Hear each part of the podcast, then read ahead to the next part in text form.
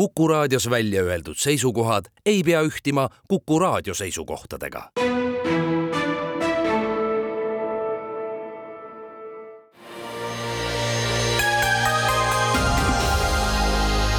poliitikakuru, kui sina ei tegele poliitikaga, tegeleb poliitika sinuga. poliitikakuru. tervist, alustame saatega ja tänases saates lappavad riigieelarvet ja teisi nädala tähtsamaid kirjatöid äh, Kristi Saare. tere, tere. Taavi Linnamäe. tervist. ja Tõnis Leht. ja no ilmselgelt alustame, alustame taas eelarve teemadel. sel teisipäeval koputas valitsus ära järgmise kahe tuhande kahekümne neljanda aasta riigieelarve eelnõu, läkitas selle Riigikogu poole. ühtlasi sai kokku ka äh, siis järgmise nelja aasta riigieelarve strateegia ehk siis äh, RES-i toorik. Äh, kuidas teile tundub, et kui selge visiooniga siis seekordne äh, eelarve paistab, et eelarvedokumendil on, seletuskirjal on viissada kuuskümmend kolm lehekülge, eelarvestrateegial siis veel kakssada kuuskümmend kolm lehekülge, nii et seda materjali, mida läbi töötada on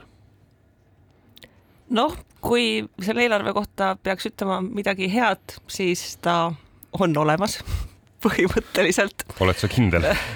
noh, eksisteerib eh, dokument, eh, mida arutada aga no laias laastus eh, ma ütleks, et igatepidi on nukker seis, et kui muidu pärast eelarve valmimist on erakondadel põhjust minna niimoodi rusikaga rinnale taguma, et noh, et me nüüd oleme saanud siia kirja mingid asjad, mida me lubasime, tahtsime, lootsime, siis praegu minu meelest ei saa mitte ükski erakond minna rõõmustama ja valijatele ütlema, et kõik on hästi. Nojah, aga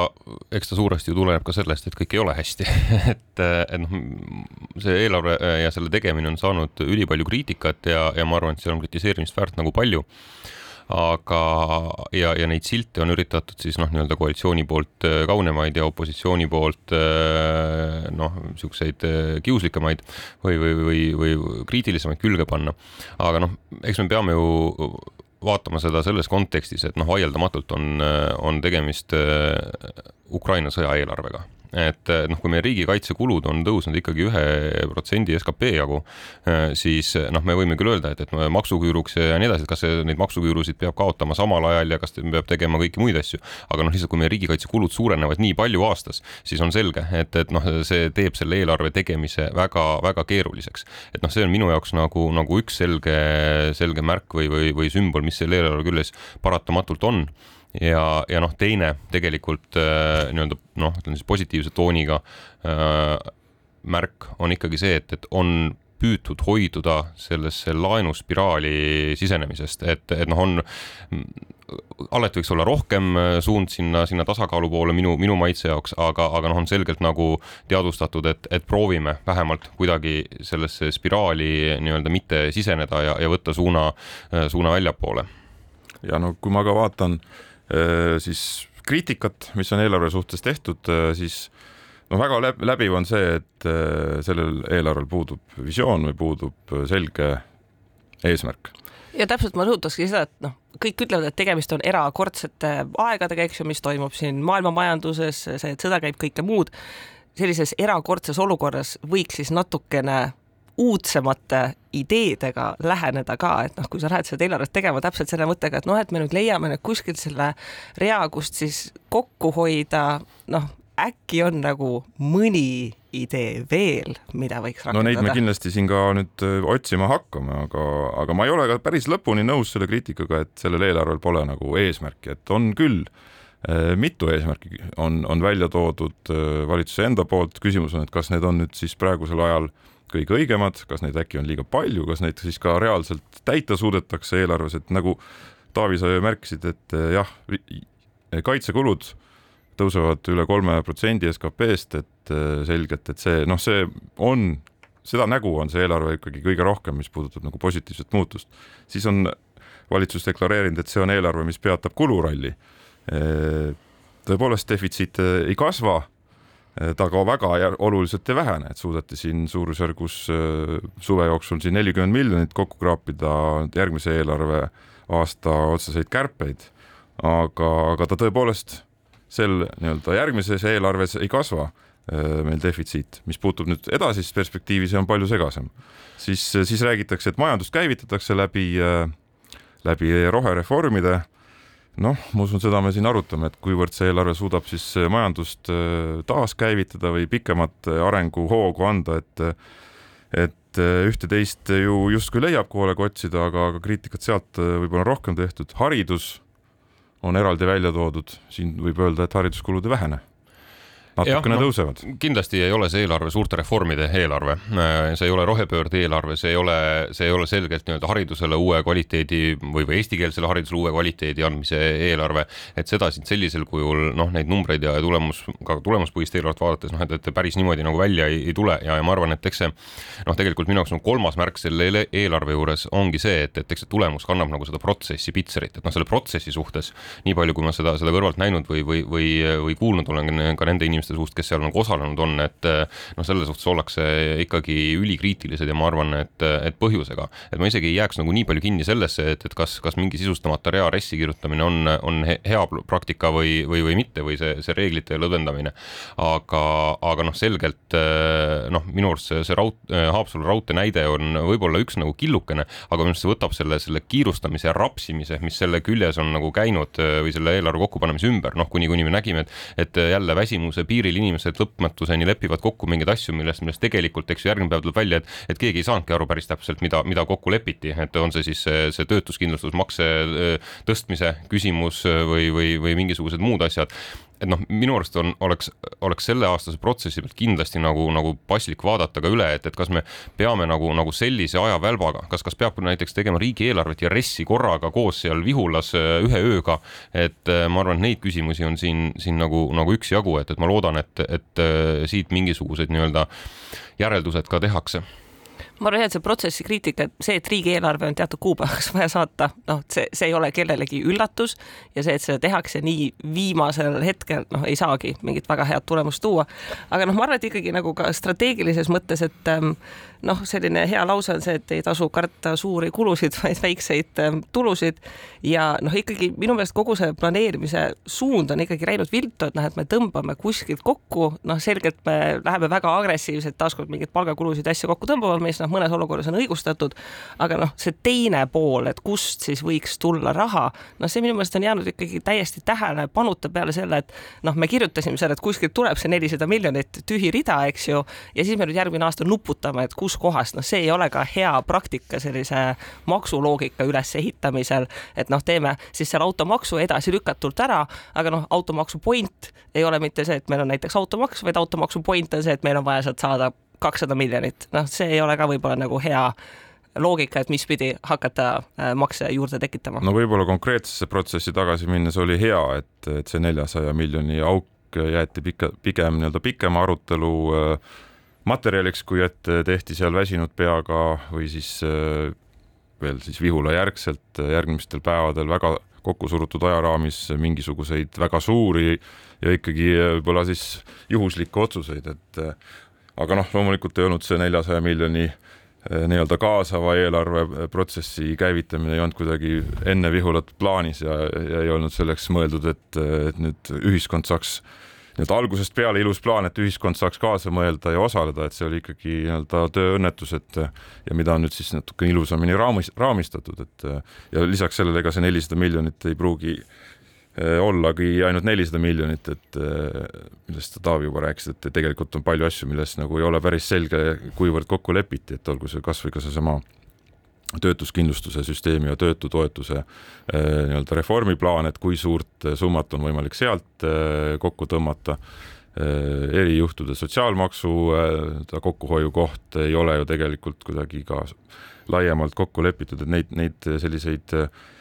kümnete või, või, või isegi äh, sada pluss miljoni ulatuses äh, küsimärke on RES-is mitmeid-mitmeid. Äh, sinna kõrvale ma muidugi ütleks muidugi, et riigi eelarvestrateegia ongi üks dünaamiline dokument, mis, mida aasta tulevikku, seda vähem ta siis realiseerub sajaprotsendiliselt või sinna lähedale, et ja, ja võib muutuda, kui tulevad suured kriisid, et, et noh, ka ERR-i siis uue hoo, uus hoone on seal minu mälu järgi kirjas kunagi olnud ja et RES-is, et, et ega, ega siis see, kui seal midagi kirjas on, see ei tähenda, et see nii juhtub jah, aga noh, ma arvan, et, et noh, sa puudusid siin ERR-i uut hoonet, aga ma arvan, et selle teemaga haakub hästi, et noh, tegelikult äh, vaata, vaata neid otsuseid jällegi, et äh, noh, mingisugused imelikud sisse juurdunud süsteemid äh, nagu, nagu lahti loksutada ja vaadata, et, et mida nagu ja kuidas teha. noh, mul selles mõttes, mina nagu, mulle meeldib see lähenemine, et vaatame siis seda töötuskindlustuse ja töötuhüvitiste sisse, kui meil on kaks paralleelset süsteemi, et noh, tõenäoliselt on seda mõistlikum kuidagi nagu, nagu muud moodi korraldada. noh, samamoodi tegelikult noh, siin käis ka uudistest läbi eelmine nädal või millalgi, et, et noh, meil on mingisugused justkui mingid kultuuriobjektid nagu lukku pandud kuskil kulkarahaga, siis on meil noh, mingid muud suured kultuuriobjektid, noh, mitu paralleelset nimekirja, kuskil on mingid objektid, mis on valmimise servakese peal ja natuke raha on puudu, kuskil on mingid, mis ei hakkagi veel niipea valmima, aga kus on raha all kinni. et noh, sellist nagu ebamõistlikkust on, on noh, minu arust nagu, nagu riigis tervikuna ka mingit, mingites kohtades ju noh, jätkuvalt äh, üksjagu sees ja, ja noh, ma arvan, et, et raske aeg võiks anda julgust äh, mõelda, mõelda nende, nende teemade üle või arutada noh, kasvõi selle üle, et, et kas, kas tingimata ikkagi riigile kuuluv lennujaam peab hakkama hotelliarendusega ja büroopindadega Tallinnas äh, tegutsema. et, et noh, ma arvan, et äh, ma loodan, et, et see raske aeg sunnib meid hoolsamalt vaatama kõikidesse sellistesse nagu nurkadesse ka kindlasti on väga optimistlik mõelda, et kõikidesse nendesse väikestesse nurkadesse vaadatakse, aga kui me vaatame reaalselt, kui mitu miljonit äh, need augud on, siis noh, ma kardan, et need võtavad kogu selle tähelepanu. Ja mingid sellised väikesed otsused siin ja seal noh, niimoodi tulevad-lähevad ja ma arvan, et see on natukene ka võib-olla selline äh, mandaadi küsimus, eks ju, et erakonnad, kes panevad eelarvet kokku, nad on läinud mingite poliitiliste ideedega, valijad on hääletanud, see on seis ja nüüd ühel hetkel, kui hakkavad tulema ikkagi nagu väga suured otsused, et kui me need sada miljonit siin, nelisada miljonit seal nagu kokku lõpuks liidame, noh siis tegelikult need tulevad väga-väga suure mõjuga otsuseid ja neid on väga hästi vaja inimestele tegelikult kaitsta, et noh, miks me niimoodi teeme, et kust teil on tulnud see õigus täpselt selliseid otsuseid vastu võtta? ei no selge, et eh, noh, kui me vaatame, räägime neljasajast miljonist või viiesajast miljonist või kuuesajast miljonist või, või ka kolmesajast miljonist, noh, see selge on see, et, et seda sa ei automaksu ega mingisuguse nii-öelda pisi, pisihäälestamisega kokku ei korja, et ega siin ongi laias laastus ju ainult nagu, nagu üks valik, et, et noh, neid suuri makse mingisuguse protsendi eh, või koma koha võrra no, tõsta. automaksust loodetakse siiski kakssada miljonit nüüd juba. no olen valmis vastu võtma kihlveo, et eh, kaks tuhat kakskümmend viis ei eh, laeku automaksu kakssada miljonit. aga, aga, aga noh, tegelikult sellises suurusjärgus rahasid, no sisuliselt on küsimus, et, et kas tõsta käibemaksu või tõsta tulumaksu, kas seda nimetada kuidagi riigikaitsemaksuks, mingiks muuks asjaks, aga, aga noh, laias laastus on meil tegelikult need kaks kaks võimalust. Ja, ja noh, üks neist lööb siis valusamalt nii-öelda madalama sissetulekutega inimeste gruppide pihta ja teine kõrgemate pihta. Ja see, see valik ju tegelikult on, et, et me võime siin küll teha seda, Eesti otsib supermaksu mängu, aga, aga ma arvan, et, et kui, kui see puudujääk jääb samas suurusjärgus, noh siis ega ju tegelikult nagu, nagu suures plaanis teist teed ei ole ei no ma ikkagi lisaksin, et lisaks tulumaksule ja käibemaksule on meil palju põnevaid filosoofilisi valikuid, näiteks äkki hakkaks Eestis vara ka lõpuks maksustama, sealt ju ei korjata sisuliselt midagi. selle eelarve plaani kokkuvõte on ainult see, et ega rikkaid inimesi tegelikult jätkuvalt rohkem ei maksustata no,. automaks ju on olemuselt varamaks et.... no äh, automaksu sisu me veel ei tea. aga teeme väikse pausi siin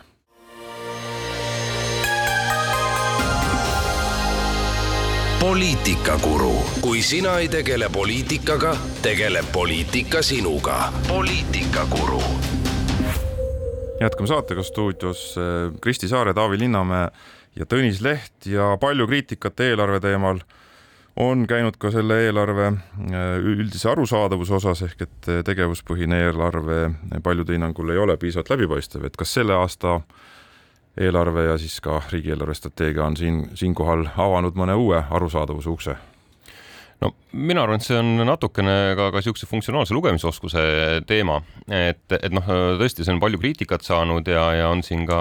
ka paljud ajakirjanikud ilkunud ja toonud välja mingisuguseid näiteid oi-oi-oi, et, et mingi näitaja, ma ei tea, et perevägivalla käes sel aastal sai seitse inimest surma, järgmise aasta sihttase on kümme või et mingisugused muud sellised näitajad, mis justkui lähevad nagu halvemuse poole, et, et noh, et kuidas see on tõsiseltvõetav, miks me tahame, et Eesti elu läheks halvemaks. aga, aga noh, minu arust see ju ongi asja tuum et, et kui me, kui me teeme mingisuguseid asju, paneme kuskile mingit raha, siis need näitajad nagu liiguvad, ei saa olla nii, et me paneme raha ühte kohta ja kõik ülejäänud näitajad lähevad nagu paremaks. et noh, kõik see ilkumine, mis on käinud selle ümber, see ju tegelikult näitabki seda, et, et see tulemuspõhisuse nii-öelda suur vaade tegelikult nagu töötab. et me näeme, et meil raha läheb maksuküüru kaotamisse, meil läheb riigikaitsesse, järelikult kuskile mujale läheb seda raha vähem ja järelikult kuskil mujal valdkondades need tulemused halvenevad. et selles mõttes ma kaitseks seda, seda tulemuspõhise või tegevuspõhise eelarve ideed. loomulikult on seal äh, ilmselt nagu, nagu väga palju detaile, mida saaks teha paremini ja tõenäoliselt ongi sealt raske, sealt ongi raske äh, leida nii-öelda üksikuid kulusid, aga, aga sellise suure juhtimismudelina, kus me pealt päriselt nagu näeme, et, et mis on prioriteedid ja mis selle tõttu läheb halvemaks ja paremaks. noh, ma ütlen, et, et tegelikult see, see, see tööriist töötab, kas ta töötab täiuslikult, võib-olla mitte, aga, aga kõik needsamad asjad, kus me näeme, et mingid asjad lähevad halvemaks, see ju ongi sellepärast, et me paneme raha mingitesse teistesse kohtadesse. Hästi loogiline minu jaoks. Minu meelest sellise mm, tegevustulemuspõhisusega oleks alati hea, kui tagantjärgi hiljem siis oleks see analüüs ka, et eks ju, et me suunasime selle raha sinna, et teha seda ja mis siis pärast sai. aga ma arvan, et see analüüs on aastate kaupa välja võetav, et, et ega need sihttasemed, mis aasta alguses oli ja mis oli eesmärk, et ma arvan. ja see on see koht, et neid tuleb ise üldiselt taga otsida, aga need on sellised asjad, mida võiks kommunikeerida kom, alati on kommunikatsioon süüdi, mitte tegijad. selge, et sellised juhtimisindikaatorid on, on kindlasti vajalikud või vähemalt nad on ka vajalikud, aga jah, eks ainult nendest nendele ka keskenduda ei saa, et eks suur tükk no, no riigi... erutavam on alati arutada jah, selle üle, et kas kolmkümmend miljonit sinna või, või hoopis teeks kakskümmend viis või nelikümmend seitse, aga, aga, aga noh, tegelikult selle suure pildi hoidmiseks noh, on, on tegelikult päris nagu, nagu tervendav vaadata ja mõelda seda, et, et noh, mida see ühe, ühe, ühe raha paigutamine ühte või teise kohta, mida see muudab sellesama anuma kuskil teistes otstes, et, et selle jaoks ta kindlasti jah on. jah, noh, iga, need indikaatorid ei suuda muidugi katta nagu kogu elurikkust, et nad on selline äh, valik, eh, mis on nagu leitud eh, indikaatorid, mis võiks kõige paremini või kuidagi lihtsamalt ka jälgitavad olla, et eks nende kõrval on ka omajagu veel sellist olulist ruumi, mida ei ole nii kerge võib-olla ka numbriliselt mõõta. absoluutselt nõus eh, sellega, lihtsalt noh, kuna, kuna siin jäi eriti sel nädalal nagu, nagu kõrvu niisugust noh, ma ütleks, et natuke nagu pahatahtlikku ilkumist selle üle toodi neid nagu välja, siis noh, minu arust oli see nagu just täpselt näit-, näitaski seda, miks see on nagu hea üks mõõde, mida on väga palju räägitud eelarve osas, on ka see, äh, kuivõrd ta suudab reageerida siis meie majanduses toimuvaga, äh, toimuva kriisiga ja, ja kas seal nii-öelda aidata majandust taas august välja, see on nagu üks lühiajaline vaade ja teine küsimus siis, et kas, kas ka pikemalt, pikema perspektiiviga paistab majanduskasvu nii-öelda toetavaid investeeringuid ja plaane, kui me räägimegi nüüd investeeringutest, et siis Äh, investeeringud mõnevõrra kasvavad järgmise aasta eelarves, üks koma üheksa miljardit, sealt küll äh, on siis see investeeringute kogumaht, sellest küll selgelt tugevalt üle miljardi on, on äh, välisvahendid, Euroopa Liidu vahendid. aga noh, investeering on investeering selle konkreetse aasta lõikes, see võib-olla lihtsalt indikeerib seda, et kui, kui meil Euroopa Liidu vahendid järgmistel eelarveperspektiividel jäävad väiksemaks, et millised siis nii-öelda probleemid või nii-öelda rahanappus meid, meid siis võib-olla eh, investeeringute osas ootamas on, aga kas teie tuvastasite järgmise aasta eelarves eh, majanduse nii-öelda käivitamisega seotud investeeringuid või, või üldse mingisuguseid liigutusi? kui ma sirvisin seda natukene, siis no esim-, enne kui ma jõudsin sirvida, ma nägin kuskil juba kurtmist, et ei saa neljarealisi maanteesid piisavalt äh, kiiresti ehitada, millele väga, väga kaasa, väga-väga kaasa ei saa tunda. aga noh, kindlasti on väga tore, et meil neid välisvahendeid on kasutada, sellepärast et kui vaadata seda, et kui palju on siin fookust pandud tegelikult äh, just äh, keskkond, ühistransport, energia tootmine, rohelisem energia tootmine, siis ma arvan, et see investeeringute vaade kohe kindlasti ei oleks nii rohelise maiguga, kui seal ei oleks välisvahendeid, mida rakendada. et mingid asjad, mis siin on kirja pandud, alustades ühistransporti, jalg, jalgrattateede arendamist ja kõike muud, on selles suhtes väga-väga tore näha kui nüüd vaadata, et kas midagi nendest päriselt äh, majandust käivitab, siis noh, kindlasti see, et äh, Rail Balticu ehitus, siin ma vaatan, kaks tuhat kakskümmend neli kakssada midagi miljonit läheb, eks äh, ehitussektoril on selle võrra jälle natukene kergem, aga kas sealt nüüd mingit pikaajalist majanduskasvu ootamas on, äh, mul on veidi raske näha. No kuna selle ehitus kestab ka nii pikalt, siis äh, ja eelarve ilmselgelt ka paisub, siis tal nii-öelda ehitussektorit toetav mõju on veel ikkagi aastaid, kui mitte või seda isegi kümne aasta mõõtmes mõõta, et no lisaks tegelikult raudteetaristu on üldse see, mis saab ja raudtee valdkond on see, mis saab tänu Rail Balticule eeskätt muidugi, aga mitte ainult, saab nagu olulist lisaraha, Tallinn-Tartu raudtee elektrifitseerimine siin kaheksakümmend miljonit kopikaga, elektrirongid uued kolmkümmend viis miljonit suurusjärgus. Ehk et võrreldes ütleme maanteedega, raudteel läheb järgmisel aastal paremini nüüd küsimus on, et mida me siis mööda seda raudteed ühel hetkel vedama hakkama, aga võib-olla üks asi, mis mulle ka jäi silma, on ähm, iseenesest äh, siin lõpus on mingid väiksed summad ka digipöördele ja küberturvalisusele, mis on ka selline tore näha, aga mul endal tekkis võib-olla küsimus, et nagu mida täpselt siin tehakse, et näiteks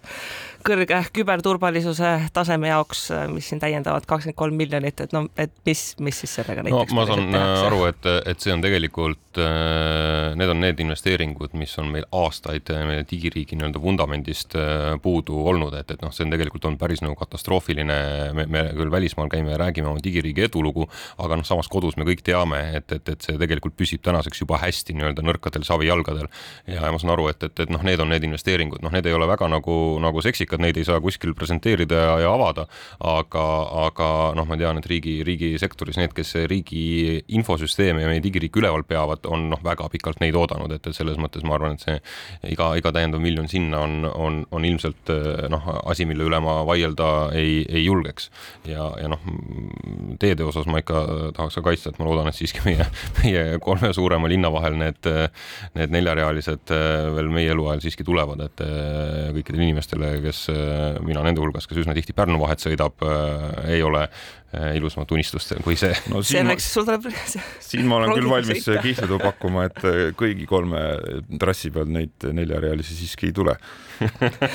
siis tuleb varsti lihtsalt nimekiri kihlvedudest, mis ja. on saate jooksul sõlmitud, aga selles suhtes küberturvalisusega, et nagu väga hea, et mingid asjad, mis on väga kõrge prioriteediga, läksid ikkagi sisse, sest et need oleks väga lihtsad asjad, mida visata välja just selle argumendiga, et keegi ei saagi väga täpselt aru. Need on aastaid niimoodi tehakse. välja visatud. ja, ja., et nüüd nad ikkagi lõpuks jäid sisse ja noh, eks seal kindlasti see Ukraina mõju ka, et noh, küberturvalisust on praegu palju lihtsam maha müüa olulise ideena. ma tõstaks esile ka investeeringu siis äh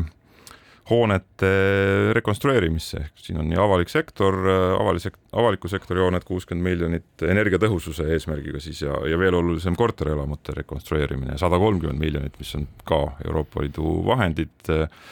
mis siis peaks järgmine aasta hakkama suuremas mahus avanema, et. no vaadates muidugi meie elamufondi mahtu ja, ja olukorda, siis sada kolmkümmend miljonit on, on köömes, et ja vaadates tegelikult noh, nii-öelda, mis te, teiselt poolt inimesi pigistab, üsna etteennustamatu siiski nii-öelda küttehinnad talvel, elektrihinnad ja nii edasi. et noh, mul oleks küll hea meel näha, et see on kindlasti niisugust tüüpi investeering, mis, mis nii-öelda annab meie inimestele inimestele pikas vaates äh, nagu väga palju juurde, kui no,, kui, kui hoogsamalt teha. seda ei ole võimalik muidugi kohe esimesel aastal nii-öelda tõsta miljardi peale, et eks siin on ka ehitussektoril äh, oma piirid ees ja palju on seal teha, et pakkuda tüüplahendusi ja tulla inim-, korteriühistuste, ühistutele appi ja nii-öelda teha, teha kogu see asjaajamine nende jaoks lihtsamaks, aga noh, paraku on muidugi ka see, et seda sada kolmkümmend miljonit on siis jär, suurem summa ja järgmistel aastatel teist sama palju tuleb juurde kahel aastal ja siis põhimõtteliselt see raha saab läbi noh, selles suhtes ikkagi jah, kahju nendest korteriühistustest, kes kõik seal südaööl äh, refresh'i vajutavad kuskil KredExi lehel ja siis on jälle uudis, et viieteist minutiga oli kõik toetusraha jagatud. jah, ja, ja, ja noh, sellega alati kaasneb see küsimus, et, et kas, kas seda vajalikku toetust ja tuge said need, kus seda kõige rohkem vaja on või need, kes kõige kiiremalt refresh'i vajutasid, et, et noh, võib-olla võiks siin olla riigil ka natukene nii-öelda riigipoolselt aktiivsem äh, lähenemine kõigele, kõigele sellele, et väga paljud korteriühistud, noh, neil puudub üldse võimekus mingisuguseid projekte ja taotlusi kirjutada kirjutada ja, ja noh, tihtipeale seda hullemas olukorras ka see maja tervikuna on, mis, mis ei tähenda, et, et sellega ei peaks nagu tegelema ka, ka riigi, riigi poolt nii-öelda tõugates. mõned märgilised äh, asjad järgmise aasta eelarvega juba kaasnevad veel äh, tasuta ühistranspordi siis äh, lõpp, vähemalt osaline, mingis ulatuses lõpp maakondliku ühistranspordi. no jumal tänatud see küll reaalselt tähendab siis seda, et suurusjärgus siin euro viiskümmend äh, piletit siis nendes äh, piirkondades, kus äh, juba ei olnud, eks ole, osa, osa, osades piirkondades ju oli tasuline senini ja omakorda siis võib-olla viiendik ainult reisijatest on need, keda see tabab, sest et ülejäänud on siis pensioniealised või, või õpilased, kes jätkavadki edaspidi tasuta sõitu. jah, aga, aga noh, miks ma ütlen, miks ma ütlen jumal tänatud, ma arvan, noh, see on tegelikult üks nagu selliseid samme õiges suunas, mida ma tahaks rohkem näha, et, et ma tegelikult tahaks nagu kõiki kõikide selliste lausaliste toetamiste puhul tegelikult näha äh, liikumist sinnapoole, et võib-olla meil siiski ei ole vaja äh, nii palju ja nii lausaliselt äh, toetada. Räägime me siin lastetoetustest või mingitest muudest üldistest toetustest, et noh, ma arvan, et see vajaduspõhisuse poole liikumine, mille administreerimine tegelikult ei ole nagu üle jõu käiv riigile ja teistpidi noh, võib-olla kolmkümmend aastat tagasi me olime kõik vaesed, tänaseks on, on, on inimestel ka väga paljudel ikkagi piisavalt palju nagu jõukust, et, et see mõnikümmend eurot lastetoetus just äh, nende elutaset ei muuda ja, ja ma arvan, et need äh, noh, nii-öelda lausalise toetamise aeg võiks, vajadus, vajaduspõhistest toetustest on palju räägitud äh, ka siis edaspidi kulude mõistlikuma tegemise ja. kontekstis. Otsides nüüd läbi siis nende, neid eelarvedokumente, siis vajadus, seda märksõna leidis sealt ütleme, uues kontekstis ikka, seda ei olnud põhimõtteliselt ja no ma ühistranspordi koha pealt lisaksin, et pikas plaanis ma arvan, et see on ka väga hea otsus lihtsalt, et ühistranspordi edasise arengu koha pealt, et kui see areng sõltub ainult sellisest äh, riigi lahkusest, et palju raha antakse, siis see ühistransport ei saagi kvaliteetsemaks, kiiremaks, efektiivsemaks äh, minna. et ma olin väga üllatunud selle otsuse üle, väga vähe reaktsiooni on selle otsuse üle kuidagi olnud ka, aga pikas plaanis toob kõikidele. no küllap see reaktsiooni puudus ka näitab seda, et äh, nagu Tõnis siin viitas, et, et see tegelikult väga paljusid ei puuduta, aga, aga noh, ma arvan, et nii-öelda turu osas just nimelt, et noh, turu toimimise loogikate mõttes noh, viib ta meid ikkagi nagu, nagu väga suure sammu niisuguse nii-öelda päris majanduse poole tagasi, et, et noh, kui riik siin kujutab ette, et ta on äh, väga hea äriajaja, ükskõik, on ta siis bussiäri või, või noh, mis kaudselt tegelikult nii-öelda täisdotatsiooniga vedamine ju on või, või, või mõni muu äri, on ta lennuäri või, või, või lennujaama äri, millest enne rääkisime, et noh, äh, riigi track record või, või niisugune ajalugu ei näita väga edukat äh, kulgu selles osas ja, ja ma loodan, loodan, et, et seda on järjest äh, võib-olla vähem, aga selleks on vaja ka muidugi teha veel otsuseid. aga teeme siinkohal taas pausi.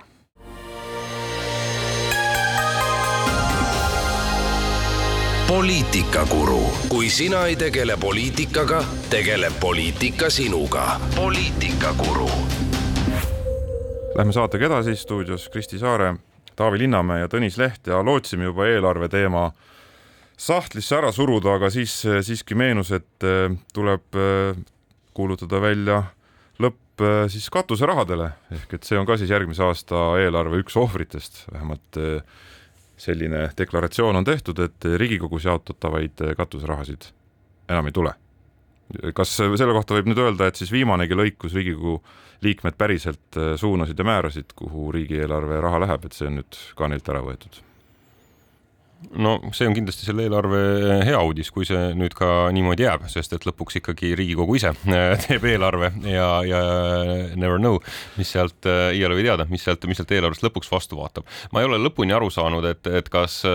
kas see deklaratsioon tähendab ka seda, et enam ei avastata ühel hetkel, et siseministeerium plaanib hakata lasteaedu ehitama või mõni muu ministeerium mingeid muid imelikke asju tegema, et, et mis siin viimastel aastatel on tekkinud, need nii-öelda ministeeriumide katuserahad, et kas neid ka ei tule, aga, aga no igal juhul juhul selline. no lootus on, sest et eelarveprotsess seekord läks äh, nii viimasele hetkele ja raha oli nii palju puudu, et, et seal võis jääda puudu nii ajast ja veel rohkem rahast. jah, aga noh, mis selle katuserahade probleem oli, eks ju, probleem oli ju see, et, et see oli täiesti läbipaistmatu süsteem, et äh, kui katuserahadele saaks võrdsetel alustel ligi, oleks saanud kõik, äh, siis noh, mul ei ole midagi selle vastu, et Riigikogul võib olla seal selline otsustusõigus. küsimus on see, et kas Riigikogu peab olema nii-öelda administreerimisasutus mingisugusele toetusmeetmele, aga, aga noh, sellisel kujul absoluutselt absoluutselt äh, noh, see on mingisuguse teise ajastu märk ja, ja mul on hea meel, et seda märki enam ei ole küljes. et võib vaikuse hetke teha, et on läinud.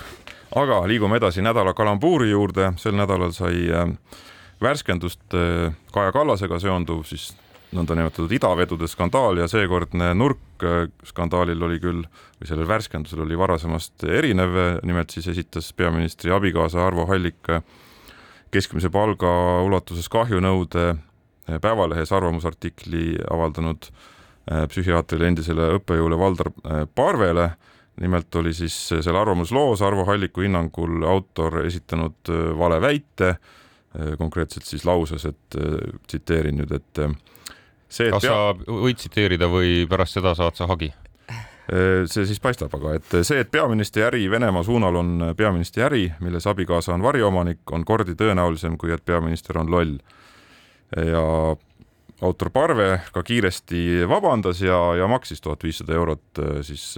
kahjunõude rahuldamiseks. ajakirjanduses, sotsiaalmeedias on see väga palju vastukaja leidnud, eriti ajakirjanike hulgas kuidas teile see kaasus paistab, et kas see on nagu katse siis ajakirjanduse ja võib-olla arvamusvabaduse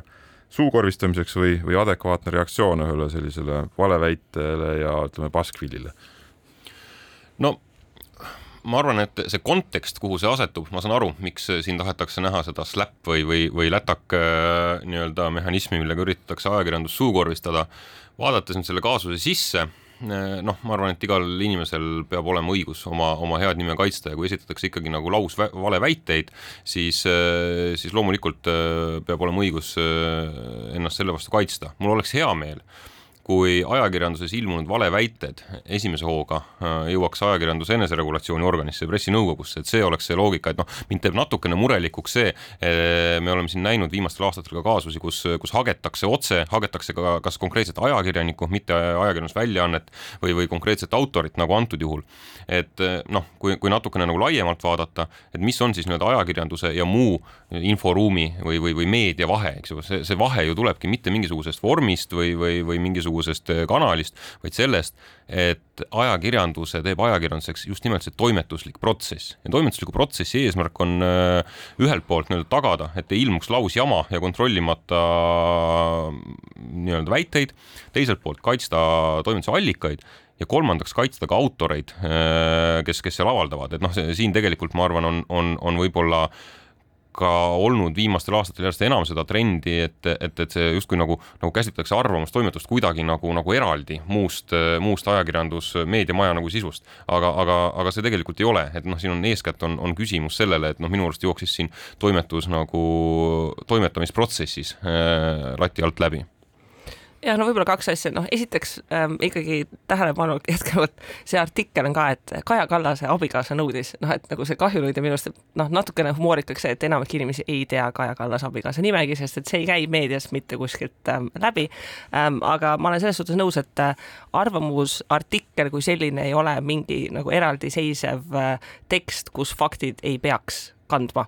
et äh, kui inimene ise seltskonnas midagi arvab, eks ju, noh, võib seda teha, aga kui talle on antud siiski päriselt leheruumi ja see on toimetaja käe alt läbi käinud, siis noh, ma arvan, et see ei ole nagu halb latt, mida seada, et äh, faktid võiksid päriselt kanda. jah, äh, ma arvan, et seda arvamusartiklit ei maksa jah hinnata kuigi kõrgelt, see oli ikkagi üks äh, segane, ebaselgete pointidega, nagu tänapäeval kaunis eesti keeles öeldakse, äh, lugu. Ja, ja ma arvan, et Arvo Hallikul selles mõttes oli õigus äh, seda kalambuuri, mis noh, tegelikult ilmselt oli kalambuurina mõeldud, võtta mitte kalambuurina ja, ja, ja enda suhtes haavavana. Noh, iseasi on see, et kuna kogu see lugu oli selline hajus ja mitte tõsiseltvõetav, et siis eh, noh, minu meelest nagu selline reaktsioon eh, ei olnud teisest, teisalt ka nagu vajalik. et põhi, teine, teisane tulemus, mis sellel on, on see, et eh, Arvo Hallik on ise uuesti sellega suurelt meedias ja, ja ka Kaja Kallase kogu see skandaali teema on jälle leitud uus nurk, et selle ümber nüüd siis see lõppev nädal kirgi üles keerata, et, et ja ise ja kuna see kogu see kalambuur oli ka nii noh, saamatu ja see lugu ise nõrk, et siis sellele nii jõuliselt reageerida, kas see tingimata oli vajalik? no ma arvan, et adekvaatne olekski olnud äh, pressinõukogus äh, selliste äh, asjadega pöörduda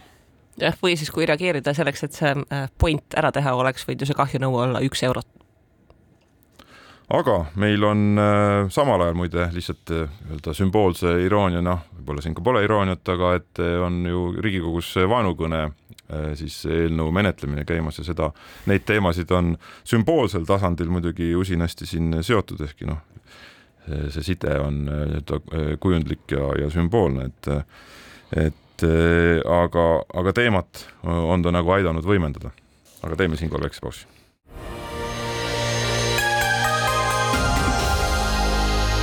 Poliitikakuru, kui sina ei tegele poliitikaga, tegeleb poliitika sinuga. poliitikakuru.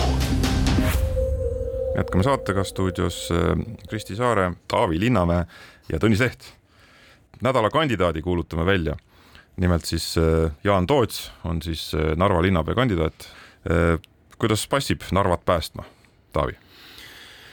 No kui siin on äh, pärast Keskerakonna juhi vahetust äh, küsitud, et noh, ootame huviga, millised saavad olema siis Mihhail Kõlvarti käigud, siis, siis noh, nii palju kui ajakirjandusest paista on, tundub, et, et see on nii-öelda esimene märgiline liigutus, et, et äh, niimoodi vähemalt seda lastakse paista, et Mihhail Kõlvarti kõrvad sealt kuskilt tagant kumavad, et enne, enne, enne tema valimist oli seal olnud äh, dessant Narva või, või, või nii-öelda mm, kohtumine sealsetega, mille jälle järgnes siis see kiire varge, vangerdus äh, Narva, Narva linnapea kabinetis ma ei tunne Jaan Tootsi ja ma ei, ei tea tema, tema juhi omadustest ja sellest, mis on tema seosed Narvaga ja kas peab olema seoseid Narvaga. ma arvan, et noh, nii-öelda oluline on, on see, et et äh, inimestele ei jääks muljet ja ka tegelikult ei oleks äh, seda, et Narvat juhitakse kuskilt mujalt kui Narva linnavolikogust, et, et igasuguste selliste nii-öelda mujalt toodud äh, või saadetud või, või mujal kokku lepitud omavalitsusjuhtide puhul, eks ju, alati see, see küsimus on ja, ja, ja ma arvan, et noh, see, see ongi see esimene nagu mõõdupuu, mille järgi seda hinnata, et ma arvan jah, et asi võib-olla ei ole niivõrd isegi konkreetses äh, kandidaadis kinni, vaid lihtsalt see, et kuidas Keskerakonnas edaspidi asjad toimuma hakkavad noh, kuigi see, ega see ei ole siis ka edaspidi, see on, see on ka tagu ta,, tahavaatepeeglis paistab seesama Jaan Toots ühes teises Eesti linnas Tartus ja, ja noh, see, see teatavasti suur edulugu ei olnud, et, et ma, arvan, et see tema iseenda võttest selili paiskumine läheb ikka Eesti, Eesti poliitika nii-öelda õpikutesse, kuidas, kuidas ühte, ühte kohalikus omavalitsuses opositsiooni kukkuda. et, et noh, kas inimesed on sellest midagi õppinud,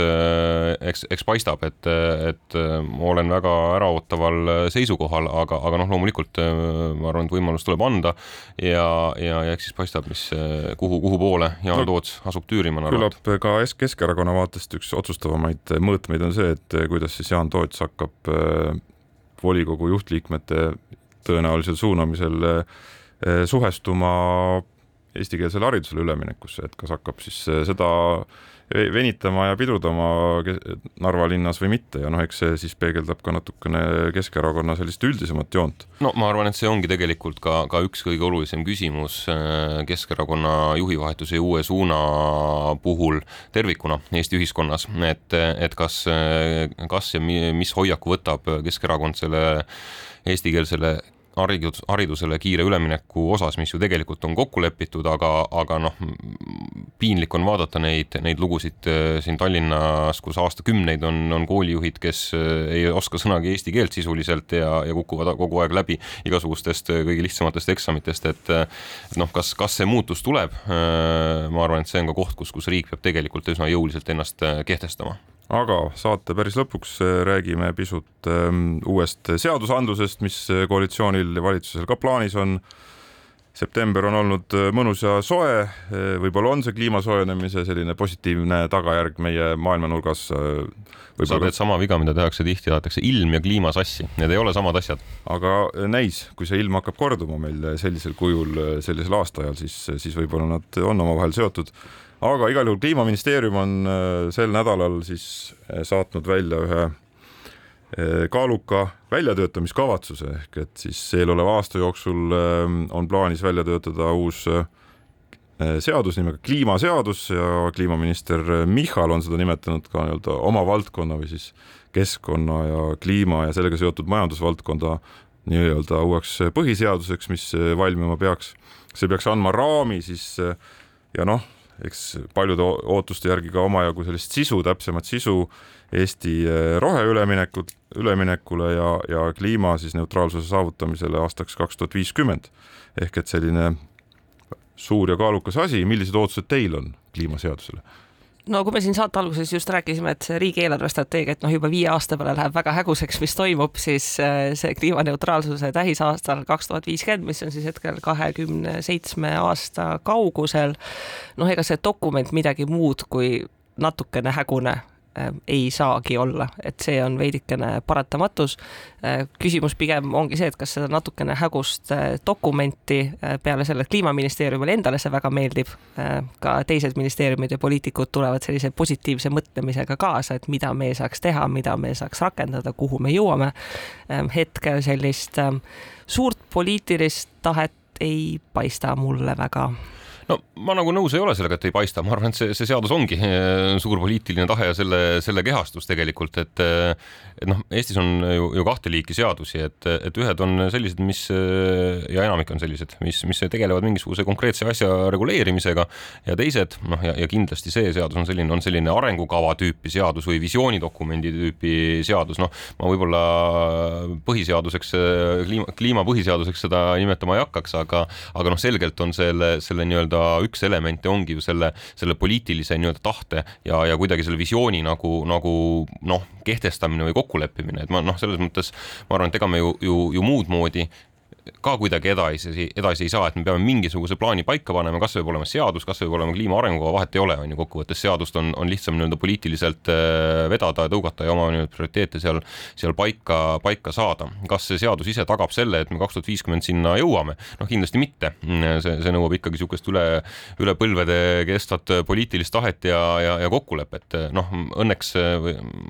õnneks oleme olukorras, kus, kus kõik meie peamised kaubanduspartnerid on meist äh, selle, selle kliima kliimaneutraalsuse poole liikumisel üksjagu juba ees ja, ja küllap me läheme sellele kliimaneutraalsusele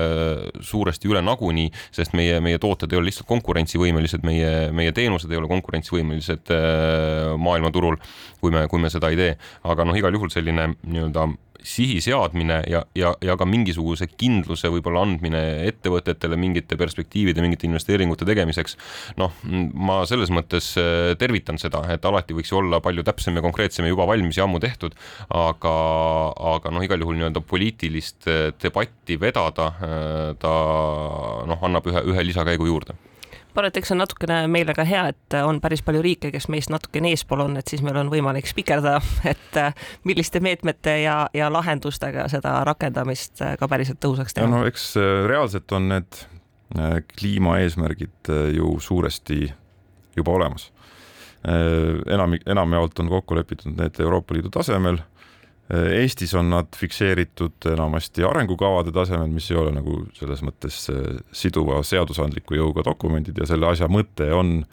on siis ühelt poolt äh, viia läbi arutelu võimalikult laialdaselt ühiskonnas, et, äh, et siis see nii-öelda kliima üle, roheüleminek viia võimalikult paljude inimesteni, selle, anda võimalus selles huvigruppidel kaasa rääkida, see on selline idealistlik raamistus selle juures, kuidas see välja kukub, saame näha. teiselt poolt on ta siis ühtlasi ka legitimeerib neid eesmärke tagantjärgi paljuski, mis on juba Euroopa Liidu tasandil kokku lepitud, kus Eesti on muidugi igal, igal pool osalenud, iseasi on see, kui palju on sellest sel ajal just Eestis räägitud, et kui need kokkulepped on tehtud, on räägitud, aga teine asi on see, kui palju on tähelepanu pööratud. ehk et ta on selline legitimeerimisprotsess ja annab sellise laiema raami vaevalt, et ta suudab nagu äh, minna väga detailseks ja kas ta ka peakski minema väga detailseks, et ta, ta, et ta suudab vastata kõikidele erinevate majandussektorite ettevõtete sellistele mureküsimustele, et seda ta tõenäoliselt äh, teha ei suuda ja sinna alla jääb ikkagi omajagu sellist äh, mitte seaduses või õigusaktides kirjas olevat, äh, millest peab juhinduma? nojah, see natuke tuleb tegelikult vaadata ju ka, et, et mis need muud äh, instrumendid selle, selle kliima, kliimaeesmärkide poole liikumisel olema saavad, et, et noh, näiteks milline saab olema äh, kliimaministri roll tulevikus valitsustes, et, et kas tal on õigus äh, nii-öelda, kas ta on mingis mõttes ka horisontaalne minister, nii nagu on tegelikult justiits- ja, ja rahandusminister meie nii-öelda valitsemiskultuuris, et kas tal on õigus kuskile panna näpp peale ja öelda, et, et noh, lisaks sellele tavapärasele kooskõlastusringile lihtsalt, et, et noh, see sellest ju kõigest ka sõltub see, et, et kas, kas ja kui kiiresti me, me liikuma hakkame, et seadus üksi ei, ei tee ja, ja noh, eks ta suuresti sõltub sellest, milline on järgmiste valitsuste prioriteetsus selles, selles valdkonnas. ja noh, sellesse teemasse on muidugi järjest enam äh, sisenemas äh, poliitiline võitlus, seda näeme üle Euroopa juba, ka Euroopa Parlamendi valimiste lähenedes, et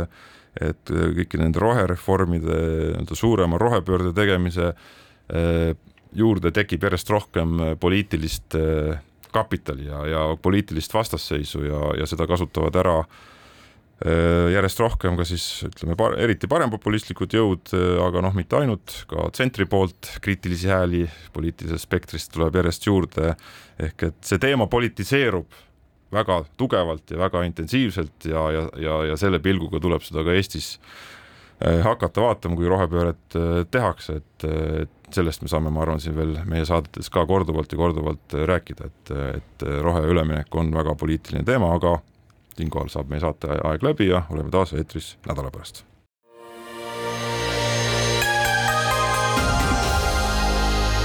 poliitikakuru, kui sina ei tegele poliitikaga, tegeleb poliitika sinuga. poliitikakuru